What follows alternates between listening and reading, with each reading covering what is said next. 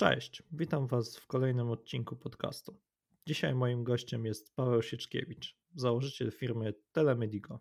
Zapraszam Was do wysłuchania tej rozmowy.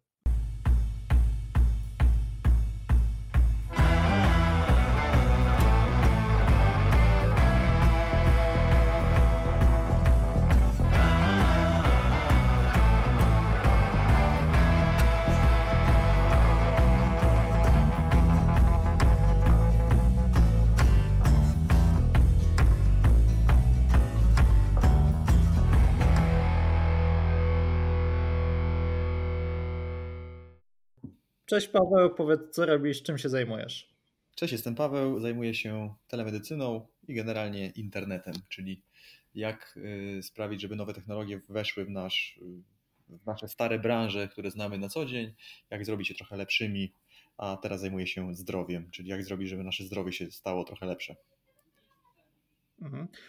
Jesteś założycielem firmy Telemedico. Powiedz, czym dokładnie jest Telemedico? Telemedico jest miejscem, gdzie lekarze rozmawiają z pacjentami przez czat, wideo, telefon i rozwiązują problemy takie, z którymi taka wizyta stacjonarna wcale nie jest wymagana. Czyli na przykład konsultują badania, e, jeżeli pacjent załączy dokumentację medyczną, na przykład przedłużają recepty, bo mamy na przykład bardzo dobre prawo już w Polsce, jedno z nowocześniejszych w Europie, które umożliwia wystawianie e-recept, więc nie musimy dostać papierka, tylko możemy iść do apteki z kodem i kupić lek, który dostaliśmy na niego receptę na zdalnej konsultacji, bez w ogóle udawania się stacjonarnie do przychodni, czekania w kolejce i, i bycia zarażanym przez innych pacjentów w kolejce, mimo że jesteśmy zdrowi przed przyjściem do przychodni.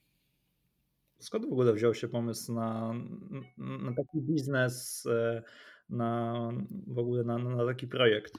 A pomysł wziął się jeszcze od mojego wspólnika, który to pochodził z rodziny lekarskiej i obserwował to, jak jego rodzice często dostają telefony od pacjentów, żeby zapytać o krótką poradę dotyczącą swojego zdrowia.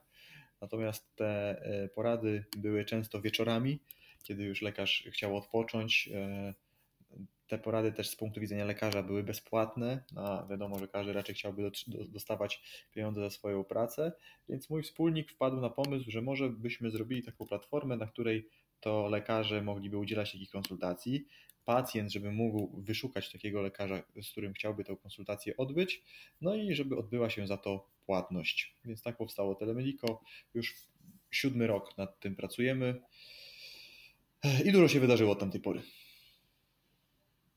Mhm. Telemedico od strony technicznej powstało w 2013 roku jako testowa wersja E, powiedz, ty, ty, sam zaczynałeś to od strony technicznej, w tym sensie, że, że, że sam, sam stworzyłeś e, jakby ten cały serwis, e, czy, czy już miałeś jakiś zespół, z którym współpracowałeś? Nie, w owym czasie już byłem właścicielem firmy programistycznej, więc dlatego mój wspólnik potrzebował mnie, żeby tą część technologiczną ogarnąć. Co prawda, ja zaczynałem programować, jak byłem młodszym mm, kajtkiem, ale w tamtym czasie, kiedy powstawało Telemedico, to już nie programowałem. Natomiast wiedza o tym, jak się programuje i jak działa w ogóle takie myślenie strukturalne, obiektowe, programistyczne, bardzo dużo mi pomagało w kontekście zarządzania projektami i jak coś zrobić efektywniej. Do teraz myślę, że to jest jedna z takich kluczowych umiejętności, którą nabyłem. To umiejętność programowania i rozumienia, jak coś się programuje, jak coś działa w takim świecie. A ty obecnie programujesz, czy, czy już nie? Czy zajmujesz się tylko kwestią taką biznesową i zarządzania Zajmuję firmą? się y, głównie kwestią biznesową, ale i produktową, czyli jak kolejne produkty mają wyglądać, które u nas powstają, natomiast sam osobiście ich nie, nie programuję. Projektuję, ale nie programuję. Okej. Okay. Mm, Telemedico to już nie tylko serwis umożliwiający kontakt z lekarzem przez wideochat, ale także pracujecie nad gabinetami telemedycznymi. Powiedz coś o nich i jak one będą działać. Tak, czyli zacznijmy od tego, że gdy wdrożyliśmy na rynek zdalne konsultacje z lekarzami, one się przyjęły dość mocno po paru latach oczywiście pracy. Nie stało się to z dnia na dzień, tylko po paru latach pracy zdalne konsultacje stały się dość powszechne, można tak ująć w Polsce. Zaczęliśmy myśleć o tym, a w jaki sposób możemy przeprowadzać więcej zdalnych konsultacji, no bo w wielu przypadkach ta zdalna konsultacja nie wystarczy, tylko jest potrzebna stacjonarna wizyta. I takim Pomostem między stacjonarną wizytą a zwykłą zdalną konsultacją przez czat, wideo, telefon jest konsultacja, w której lekarz ma możliwość y, zbadania nas urządzeniami medycznymi, które znajdują się u nas w domu. Czyli gabinet telemedyczny jest odpowiedzią na to, żebyśmy mogli mieć zdalną konsultację z lekarzem i jednocześnie zbadać się urządzeniami medycznymi, jak na przykład stetoskopem, ciśnieniomierzem, EKG, pulsoksymetrem i szeregiem innych urządzeń, które są dostępne normalnie w stacjonarnych gabinetach, tylko robimy to zdalnie, będąc kilkaset kilometrów od takiego lekarza, badamy się takim urządzeniem e, i lekarz dostaje nasze pomiary, dzięki czemu może w większej ilości przypadków wydać diagnozę, bo po prostu ma więcej informacji e, o naszym stanie zdrowia. A gabinety e, dlatego, żebyśmy nie musieli sami tych urządzeń kupować do domów. No bo nie chcemy wydawać jako pacjenci kilkuset, a czasami kilku tysięcy złotych na taki zestaw urządzeń, żeby w razie czego móc z niego skorzystać w domu, tylko wolimy pójść do miejsca i kiedy mamy potrzebę skorzystać z tych urządzeń. Mhm. Poczekaj, bo że, że, żebym dobrze zrozumiał, bo jest tak, e, nadal rozmowa jest, e, jest, e, jest zdalna z Na lekarzem. Wideo, tak jest. Mhm. A gabinet lekarski działa tak, że ktoś wchodzi do tego gabinetu lekarskiego, czyli pacjent, powiedzmy ja. Tak, do gabinetu telemedycznego w kontekście, czyli do tego, który umożliwia wideokonsultację i zbadanie urządzeniami. Czyli wchodzisz do gabinetu telemedycznego w Warszawie na ulicy Jana Pawła, odbywasz wideokonsultację z lekarzem, który jest powiedzmy z Poznania. E, I w trakcie tej zdalnej konsultacji lekarz mówi, że hmm, przydałoby się jeszcze tutaj osłuchać serce. Więc bierzesz z półki stetoskop, który jest zintegrowany z naszą platformą i w trakcie tej konsultacji na wideo, kiedy widzisz lekarza po drugiej stronie, zaczynasz badanie stetoskopem. Lekarz słyszy bicie twojego serca, będąc kilkaset kilometrów dalej i mówi ci teraz proszę przyłożyć w tym miejscu i pokazuje ci na wideo, gdzie przyłożyć. Potem mówi trochę wyżej, trochę wyżej, dobrze, to jest tutaj, słuchamy. Potem mówi proszę przyłożyć w tym miejscu i pokazuje ci palcem i, i znowu słuchamy. I w ten sposób jesteśmy w stanie telemedycznie odwzorować w dużej mierze taką stacjonarną wizytę. O kurczę, bo to ciekawe, ciekawe rozwiązanie, bo wy już jesteście także firmą, która, która nie działa już nie tylko na rynku polskim, ale, ale też zagranicznym. I to jest ciekawe, bardzo ciekawe rozwiązanie dla na przykład e, właśnie krajów, w którym jakby ta służba zdrowia jest na stanie fatalnym. Tak mówię o takich już bardzo e, egzotycznych, gdzie dotarcie do lekarza czy, czy do szpitala to jest, e, to jest masakra. To jest ciekawe rozwiązanie bardzo. Takie E, które, które na pewno wiele by problemów rozwiązało od strony medycznej. Coś jeszcze pomiędzy, no bo mm, mamy bardzo dużo klientów y, z ubezpieczeń turystycznych, czyli innymi słowy, przebywasz na wakacjach w Tajlandii, chcesz rozmawiać z lekarzem po polsku i wtedy to możesz robić. Będziemy na pewno y, iść w stronę y, takich punktów telemedycznych właśnie w krajach egzotycznych, gdzieś w miejscach bardzo popularnych turystycznie, tak żeby osoby różnej narodowości, wchodząc do tego gabinetu telemedycznego, mogły rozmawiać z lekarzami w swoim własnym języku.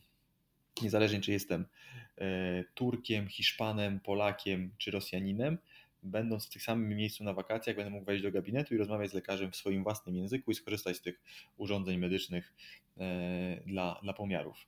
Natomiast no, jeżeli chodzi o zapewnianie takiej lokalnej służby zdrowia poprzez gabinety telemedyczne, to niestety nie jest tak kolorowo, bo zazwyczaj miejsce, które ma bardzo słabą służbę zdrowia, niestety ma też bardzo słabą infrastrukturę. Więc yy, ciężko o taki przeskok kilku kroków, że nie ma jeszcze dobrych dróg, a już będą gabinety telemedyczne, z tego względu, że nie za bardzo są lekarze w ogóle, którzy mogą takie konsultacje udzielać, skoro infrastruktura w takim kraju wygląda tak, a nie inaczej. Powiedziałeś, że, że, powiedziałeś o tym, wspomniałeś właśnie o tym, że, że, że jak ktoś wyjeżdża, takie właśnie ubezpieczenia turystyczne i tak jaki jest wasz e, model, model biznesowy? W sensie, czy, czy waszymi klientami są, e, są głównie firmy ubezpieczeniowe, czy też są osoby e, prywatne? Są zarówno osoby prywatne, mm, są zarówno firmy ubezpieczeniowe, to są zarówno przychodnie i mm, tak naprawdę dostarczamy zawsze platformę telemedyczną, czyli to miejsce, gdzie można roz, zrobić rozmowę z lekarzem. E, jeżeli jesteś y, przychodnią i chcesz y, dla swoich lekarzy udostępnić taką możliwość, to jesteś naszym klientem technologicznym. Jeżeli chcesz, jesteś, jesteś zwykłym pacjentem i chcesz porozmawiać z lekarzami i sam zapłacić za tą wizytę, to wchodzisz na naszą stronę, wyszukujesz lekarza, płacisz za konsultację i odbywasz tą konsultację.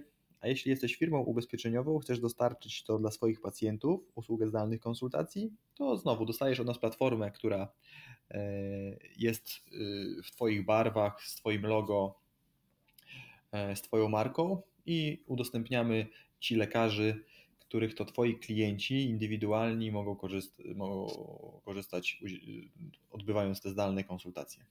I tak pracujemy z większością firm ubezpieczeniowych już w Polsce i z większością dużych brandów również w Europie. A jest jakaś możliwość wykupienia usługi subskrypcyjnej, że co, co chwilę odnawiasz, czy tylko osobno Jeszcze nie, ale będziemy to testować. Czyli klienci indywidualni też będą mogli sobie kupić abonament telemedyczny, ale na ten moment mogą korzystać z pojedynczych konsultacji. Powiedz, co skłoniło Cię do tego, żeby w ogóle zostać przedsiębiorcą, a nie zająć się na przykład zwykłą pracą, tak jak 90% ludzi? Ale ja zajmowałem się też zwykłą pracą. Dalej uważam, że zajmuję się zwykłą pracą, bo tak naprawdę bycie przedsiębiorcą to tak naprawdę jest duża ilość małych rzeczy do wykonania. Bo często też jak patrzymy na jakieś różne projekty z boku, to patrzymy, o kurczę, od zera do tego miejsca, gdzie jest to, to jest tak ogromna e, ilość pracy, aż niewyobrażalna. Ale jak zaczniemy sobie to analizować i rozbijać na małe kropki, to tak naprawdę to jest y, wielka ilość małych rzeczy zrobionych każdego dnia, latami, czasami dekadami i zawsze to można rozbić na takie małe rzeczy. To samo z, z pracą w innych miejscach. Ja zaczynałem e, programować, jak miałem kilkanaście lat, niskie kilkanaście lat i y, z jednej strony zawsze wiedziałem, że chcę być przedsiębiorcą, bo po prostu chciałem tworzyć nowe rzeczy. Gdybym mógł tworzyć nowe rzeczy pracując gdzieś na etacie, i być nieskrępowany y, kogoś strategiami, pewnie bym to robił i to nie byłoby dla mnie żadną przeszkodą. Natomiast y, ciężko było mi znaleźć takie miejsce, więc po tym jak już pracowałem w kilku miejscach, tworząc cudze projekty, to uznałem, że chcę robić swoje projekty właśnie dla tego ryzyka, dla tego skrępowania, dla tego braku skrępowania i, i to było taką moją motywacją. W czasie historii Tedy Medico otarliście się o bankructwo. Powiedz, jak sobie radziłeś z tym psychicznie? Wiesz co, mm, powody dlaczego upadają firmy y, to najczęściej jest jeden i ten sam, czyli y, koszty są większe od przychodów.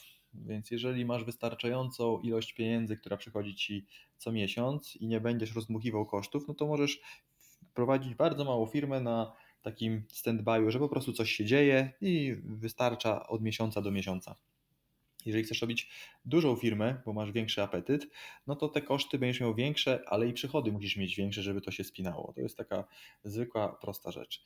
Więc y, jak się czuje człowiek, któremu się y, przychody nie spinają z kosztami? No czuje się w taki sposób, że ma dwie drogi do wyboru zawsze. Albo może ściąć koszty, czyli obniżyć y, na przykład zatrudnienie i sprawić, żeby w jakiś sposób przeczekać i testować nowe teorie, co sprawi, że te przychody urosną, no albo może e, próbować mocniej zaatakować, zrobić tak zwany wybieg do przodu i zainwestować jeszcze mocniej, nie obniżając e, tych kosztów, bo wtedy jak obniżysz koszty, zwolnisz ludzi, no to będziesz miał mniejsze ilości zasobów, takich, którymi możesz testować nowe teorie. No i wręcz przyspieszasz wydawanie pieniędzy po to, żeby przetestować jakąś hipotezę, w którą mocno wierzysz. No i najgorsze jest nie mieć takiej hipotezy, w którą wierzysz. I no, w przypadku, e, kiedy wiesz, że kończą ci się pieniądze, jesteś blisko to bardzo ciężkie słowo w ogóle bankructwa, ale tak trzeba to nazywać.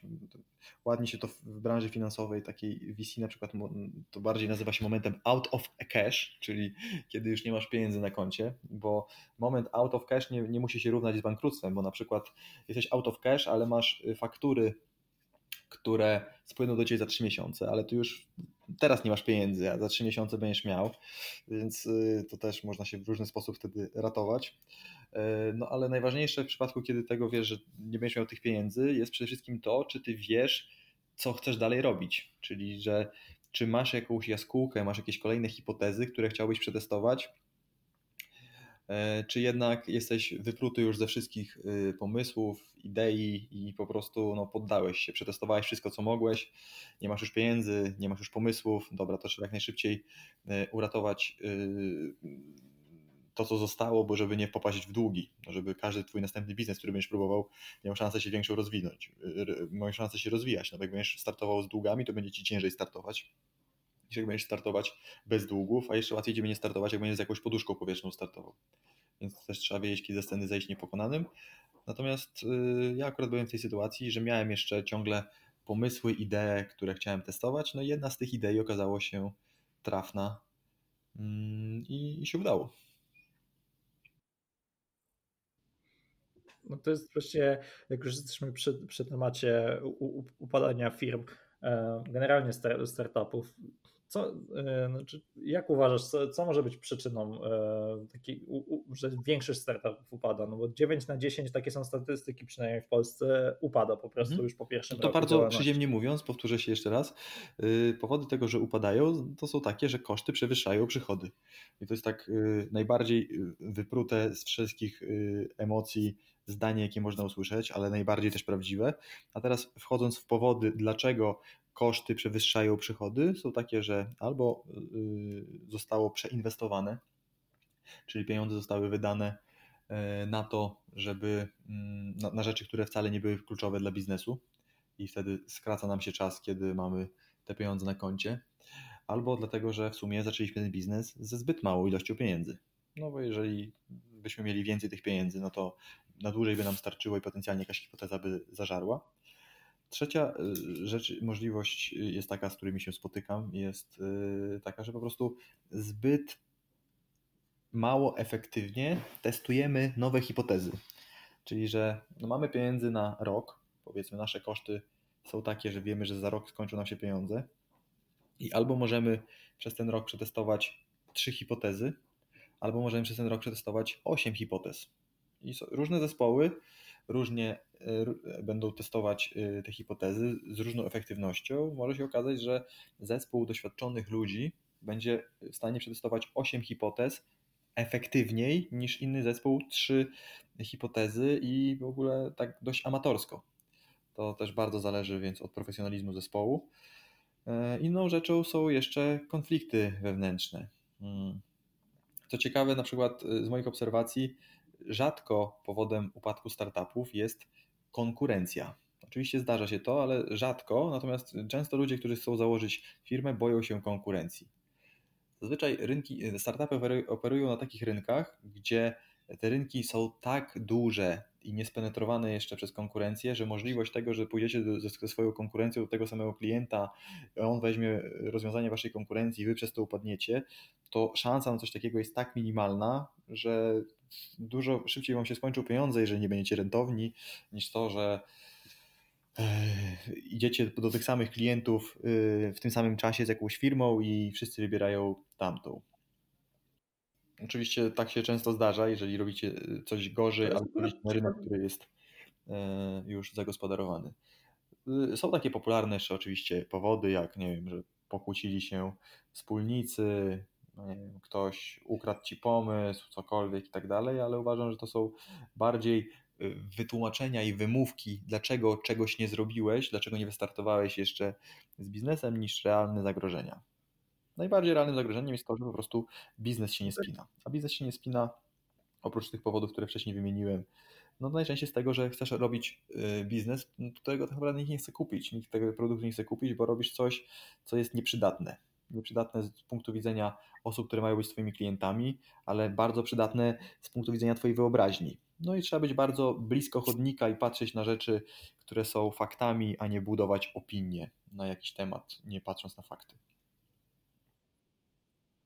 To jest akurat ciekawy taki paradoks, który ty podałeś właśnie, że, e, że, że, że startup e, upada, bo po prostu boi, że dużo startupów boi się konkurencji. To jest akurat ciekawe, bo z reguły no, wydawałoby się, że, że wejście, jakby szukanie takiej niższej i wprowadzenie produktu, którego jeszcze e, nie ma, jest dosyć bezpieczne. To nie tyle co startup e, upada, co raczej y, founder, założyciel startupu upada przed założeniem startupu, czyli y, robi y, wymówkę, że dobra, to ja nie robię tego, bo ktoś już coś takiego podobnego zrobił. To, to w ogóle po prostu ktoś odpuszcza pomysł. Nie? Okej, okay, a e, jak było w Twoim przypadku? Kiedy, znaczy Twoim i Twojego wspólnika, kiedy Wy zakładaliście te, te Telemedico, już mieliście jakieś firmy, które widzieliście, że, że konkurują i po prostu wiedzieliście o tym, że Zrobiliśmy to bardzo amatorsko, lepiej? ale być może to też nas uratowało, bo moje podejście do tego, jak teraz widzę sprawę, a jak widziałem wcześniej, pewnie jest diametralnie różne. Więc my w żaden sposób nie sprawdziliśmy konkurencji, sprawdziliśmy tylko, czy coś w Polsce takiego działa Okazywało się, że nie. Natomiast y, nie sprawdziliśmy żadnej konkurencji za granicą. I może to, że nie sprawdziliśmy tej konkurencji, właśnie sprawiło, że, że poszliśmy w to, że, że zbudowaliśmy tą firmę. Jak dużej liczbie użytkownikom Telemedico postawiono diagnozy przez internet i jak to wpłynęło na, na ich komfort zdrowia? Mamy około kilku milionów ludzi z dostępem do naszej usługi zapewnianej przez firmy ubezpieczeniowe. E, konsultacji miesięcznie przez nasz system, zarówno z naszymi lekarzami, jak i z lekarzami naszych partnerów, odbywa się kilkadziesiąt tysięcy, już wysokie kilkadziesiąt tysięcy miesięcznie. E, jeżeli chodzi o zadowolenie pacjentów, mierzymy to i jest to około 4,76 na 5, co jest w ogóle niespotykaną liczbą w medycynie na przykład biorąc pod uwagę stacjonarne wizyty. Natomiast, żeby precyzyjnie odpowiedzieć na pytanie, jak to wpłynęło na komfort życia, to takich badań nie, nie prowadzimy, takich górnolotnych. Jak to wpłynęło na komfort Twojego życia? Możemy powiedzieć o takich faktach, że no w tych wszystkich przypadkach, albo w większości przypadków, pacjent nie musiał stawić się na stacjonarną wizytę, bo zdalna konsultacja po prostu rozwiązała mu problem. Więc no, wpłynęło to na taki komfort, że załatwił coś szybciej, i nie musiał dojeżdżać. Natomiast y, jak ktoś to y, mm, kwalifikuje w kontekście priorytetów, że wpłynęło to na komfort jego życia bardziej niż kupno Thermomixa czy, y, czy kupno nowego ubrania, to ciężko mi do tego się odnosić. Wiesz co, nie, bardziej mi chodziło e, o to, E, czy, czy, czy macie na przykład takie dane, że, e, że pacjent skorzystał e, z telemedycznej konsultacji i okazało się, że, że, że faktycznie jest coś, jest coś poważnego i po prostu, że lekarz stwierdził i po prostu, nie wiem, uratował sobie życie, bo się okazało, że po prostu ta konsultacja nie wystarczy, nie tylko to na odległość, ale lekarz, nie wiem, wysłał go do szpitala na dodatkowe badania i przez to, nie wiem, e, okazało się, że jego stan jest na tyle tak. poważny, że... Pewnie w takiej masie y, konsultacji, y, tam z pamięci mogę przywołać i kilka takich przypadków, że y, miały miejsce, natomiast my prowadzimy analitykę tego, ile w ilu przypadkach pacjent po zdalnej konsultacji i tak wrócił na stacjonarną wizytę, to jest kilkanaście procent. I w tych kilkunastu procentach na pewno są takie bardzo poważne przypadki, a w tych kilkunastu procentach są też takie przypadki, które po prostu nie powinny trafić na zdalną konsultację, bo były zbyt poważne. Yy, natomiast mamy mm, gdzieś w historii naszej firmy yy, takie nagłe przypadki gdzieś w środku nocy, bo jesteśmy usługą 2-4 na dobę, gdzie mm, lekarz szybko kierował pacjenta na SOR, bo to był bardzo mm, jakiś ostry przypadek. Jak duża liczba Polaków obecnie korzysta z Telemedico? E, ciężko mówić o, o tym, czym jest korzystanie, bo nie mamy problemów zdrowotnych codziennie, tak jak mamy codziennie potrzebę przejazdu taksówką. E, natomiast y, mamy problemy zdrowotne według GUS-u 3,7 razy w ciągu roku i tak, tak często chodzimy do lekarza, więc y, może będzie łatwiej odpowiedzieć na to, e, ile jest osób, które minimum raz skorzystało z, z konsultacji online i to jest wysokie kilkaset tysięcy konsultacji w Polsce, czyli wysokie kilkaset tysięcy osób skorzystało już ze zdalnej konsultacji, często nawet nie wiedząc, że skorzystało z Telemedico, bo jesteśmy taką usługą, która działa w tle pod brandami różnych firm ubezpieczeniowych. A no tak, faktycznie, bo wspominałeś o tym, że, e, że, że jest e, firma ubezpieczeniowa i po prostu ktoś sobie to wykupuje i, i nawet nie ma pojęcia o tym, że, że korzysta z waszego rozwiązania. Mhm. A jak, jak, jaka liczba konkurentów jest obecnie na, na rynku polskim, firm podobnych, które działają tak jak wy? Czy tylko wy jesteście jakby e, w Polsce monopolistą tym, że na razie nie macie? Nie, nie, jest kilka firm, które udzielają zdalnych konsultacji z lekarzami. E, Natomiast my coraz mocniej przyglądamy się raczej konkurencji zagranicznej, bo konkurujemy o, o rynki, które się dopiero rozwijają pod względem telemedycyny. Polska ma jedne z lepszych legislacji, jest jednym z krajów w Europie, które są bardziej rozwinięte pod, pod kątem telemedycyny niż pozostałe, co jest naprawdę bardzo dużym powodem do dumy, uważam. I e, konkurujemy bardziej z firmami zagranicznymi, takimi, które są już w poszczególnych rynkach, na które my wchodzimy, i z takimi, które są już międzynarodowymi firmami telemedycznymi, które chcą wchodzić do kolejnych rynków. Mm, więc ta konkurencja jest spora.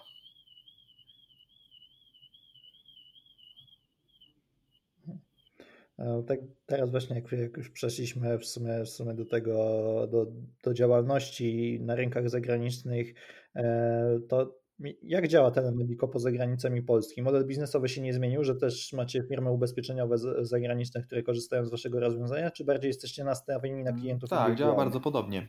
Czyli klienci indywidualni mają oczywiście możliwość skorzystania, ale głównie pracujemy z przychodniami lokalnymi oraz z firmami ubezpieczeniowymi. Czyli przychodnie korzystają z naszego systemu, żeby udzielać konsultacji, a firmy ubezpieczeniowe korzystają po to, żeby dawać taką usługę pacjentom. Czyli na każdym takim rynku albo bardziej języku, y, bo są przecież kraje, kilka krajów rozmawia w tym samym języku. Szukamy lekarzy, którzy są natywnymi mieszkańcami tych krajów, zatrudniamy ich u nas na platformie i y, dostarczamy usługę firmom ubezpieczeniowym. Okej. Okay. A jak, jak, jak działają, e, znaczy w sensie jak, jak, wy, jak są wynagradzani lekarze, którzy z Wami współ, współpracują? Rozumiem, że też mają jakieś pensje tak, od staramy Was? staramy się nie wymyślać koła od nowa i działamy podobnie jak przychodnie, bo z punktu widzenia prawa jesteśmy po prostu przychodnią, więc stosujemy sprawdzone modele po prostu zatrudniania lekarzy. E, więc zatrudniamy y, lekarzy i to na nas jest ryzyko, po stronie Telemedico jest ryzyko, żeby ten lekarz miał wystarczająco dużych pacjentów. Okej, okay, a ten, ten lekarz, jak, jak rozumiem, to on e, nie, znaczy no ciężko mi sobie to e, wyobrazić, bo on musi być e, jakby 24 na, na dobę, każdy lekarz e, tak naprawdę do, dostępny. E, znaczy pewnie, pe, pewnie macie jakieś tam, e, jakieś są zmiany tych lekarzy, ale jest, zastanawiam się jak, jak to działa, no bo taki lekarz e, czy tylko pracuje dla was, czy, czy on też normalnie pracuje w normalnej przychodni? E, tak, albo, albo lekarska ma to do siebie, że często lekarz pracuje w kilku przychodniach. Czyli jego y, dzień pracy jest rozłożony po kilka godzin na różne przychodnie. I to zaobserwujesz na przykład chodząc na danego lekarza i w profil jakiegoś lekarza, to często gęsto tam jest kilka kalendarzy dostępnych, po prostu z różnych przychodni. E, więc my jesteśmy dla lekarza taką jedną z przychodni, w których pracuje, więc często to jest po prostu do kilku godzin dziennie.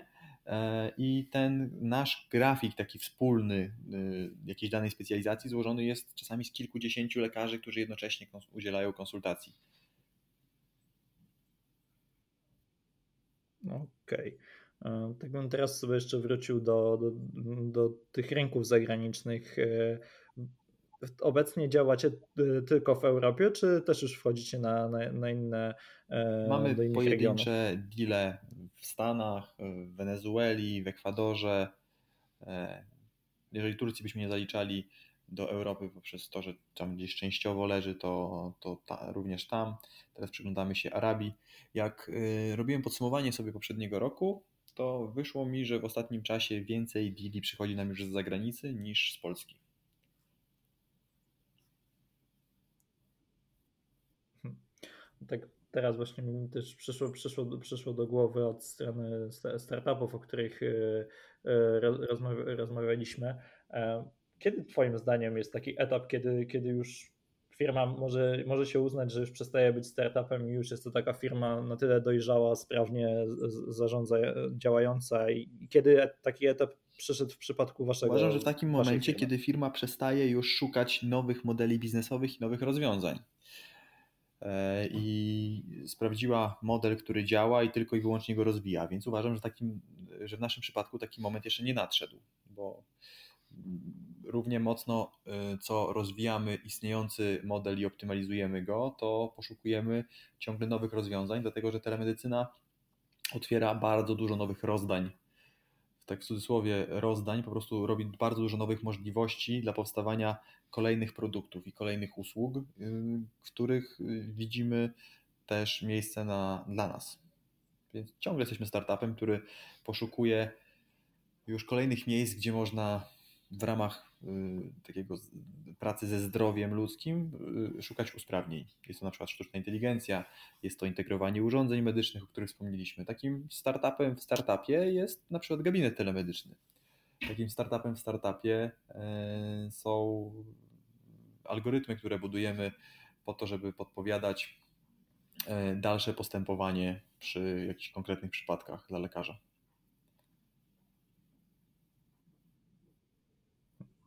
No właśnie, jak też wspomniałem, jak rozmawialiśmy o bankructwie firmy, e, to też e, właśnie zastanawiam się, czy, czy ty miałeś taki, taką chwilę już takiego załamania, że na przykład e, już myślałeś, co będziesz robił później, jak już to nie wyjdzie, nie wiem, zajmiesz się innym biznesem, bo na przykład wiesz, CD Projekt, kiedy, kiedy oni w zasadzie już, no, znaczy byli już sporą firmą, bo to po wydaniu Wiedźmina jedynki i zaczynali robić Wiedźmina dwójkę, no to e, jak wydali Wiedźmina, Wiedźmina 2, w którego wpakowali mnóstwo pieniędzy, no to się okazało, że, że już w zasadzie no to jest, jest dramat. E, mieli, mieli kredyty pootwierane, których nie byli w stanie spłacić i Marcin Iwiński wtedy kiedyś wspominał właśnie, że myślał o, o, o założeniu właśnie firmy, która by, e, marketu ze zdrową żywnością i zastanawiam się, czy ty miałeś taki okres, że już myślałeś, że co będę robił później? Nie, aż do takiego momentu nigdy nie byłem postawiony pod ścianą, żebym nie miał kolejnych hipotez, których chciałbym testować.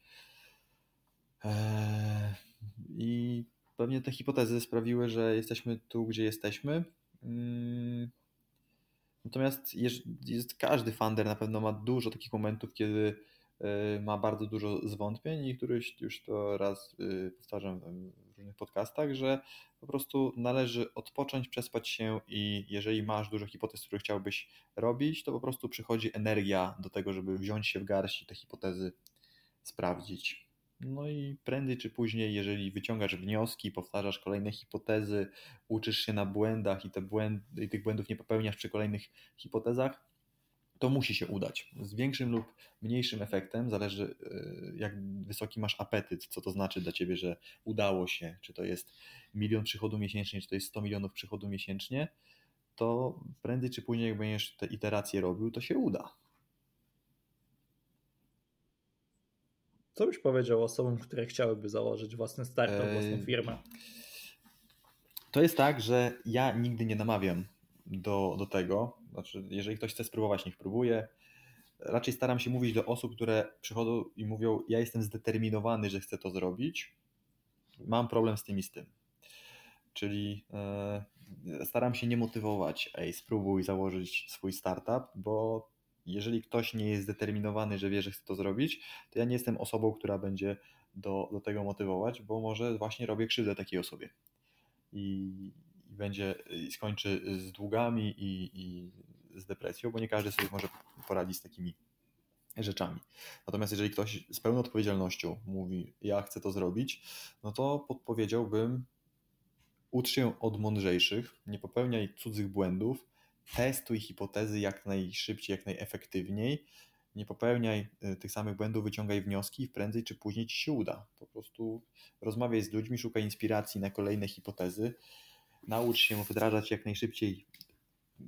Pamiętaj, jak oddzielić mięso od tłuszczu. Nie rób rzeczy, które wydają ci się, że są ważne, powodują, że jesteś zajęty, a wcale nie są ważne, dlatego żeby sprawdzić, czy ta hipoteza zadziałała, czy nie rób tylko rzeczy ważne i nie, nie marnuj energii na rzeczy nieważne. Tyle. Co Cię motywuje mnie, do działania? Mnie motywuje do działania mm, to, jakbyśmy się cofnęli paręnaście minut w tym podcaście, możliwość tworzenia e, i obserwowania, jak rośnie ten mm, taki procent składany, czyli że coś, co zaczęliśmy robić 7 lat temu, rok później już ma przed sobą inne wyzwania wyzwania, które były rok temu, już są mm, codziennością, w sensie już zostały rozwiązane i sposób ich rozwiązania stał się standardem, codziennością. Pięć lat później y, rzeczy, które były wyzwaniami pięć lat wcześniej, są po prostu już tak oczywiste, że ciężko sobie wyobrazić, jak można byłoby z tego żyć. Więc y, bardzo motywuje mnie takie nie zaczynanie rzeczy od nowa, tylko budowanie trwale, takie wchodzenie po schodach jeszcze wyżej i to, jak właśnie udaje się w jakimś małej formie zmieniać codzienność, że właśnie w perspektywie innych ludzi staje się codziennością, coś, co jeszcze parę lat temu nie było wiadomo w ogóle, że coś takiego da się robić. Jaki jest Twój cel? Mój cel jest taki, że jak będę umierał, żeby mieć poczucie, że zrobiłem wszystko najlepiej jak się dało, bo to życie jest krótkie. I myślę sobie często o takich rzeczach, czego potencjalnie e, będę żałował, jak będę umierał. Idąc dalej, zastanawiam się, a czego żałują inni ludzie, którzy w dzisiejszym, dzisiaj na przykład leżą na łożu śmierci, czego najczęściej żałują. I staram się e, uniknąć tych rzeczy zawczasu. Póki jestem jeszcze stosunkowo młody, staram się tak żyć, żeby e, jak będę już leżał na umierał i myślał o tym, czy wszystko zrobiłem dobrze, to żeby miał poczucie, że tak, jakby wystarczająco wcześnie świadomie myślałem o tym, o tym momencie i jestem zadowolony, bo zrobiłem wszystko najlepiej jak mogłem, na warunki, w których się urodziłem, na y, kraj, w którym żyłem i na wysiłek, który mogłem podjąć. Pawle, dziękuję Ci bardzo za rozmowę i życzę Ci wielu sukcesów w biznesie. Dziękuję bardzo.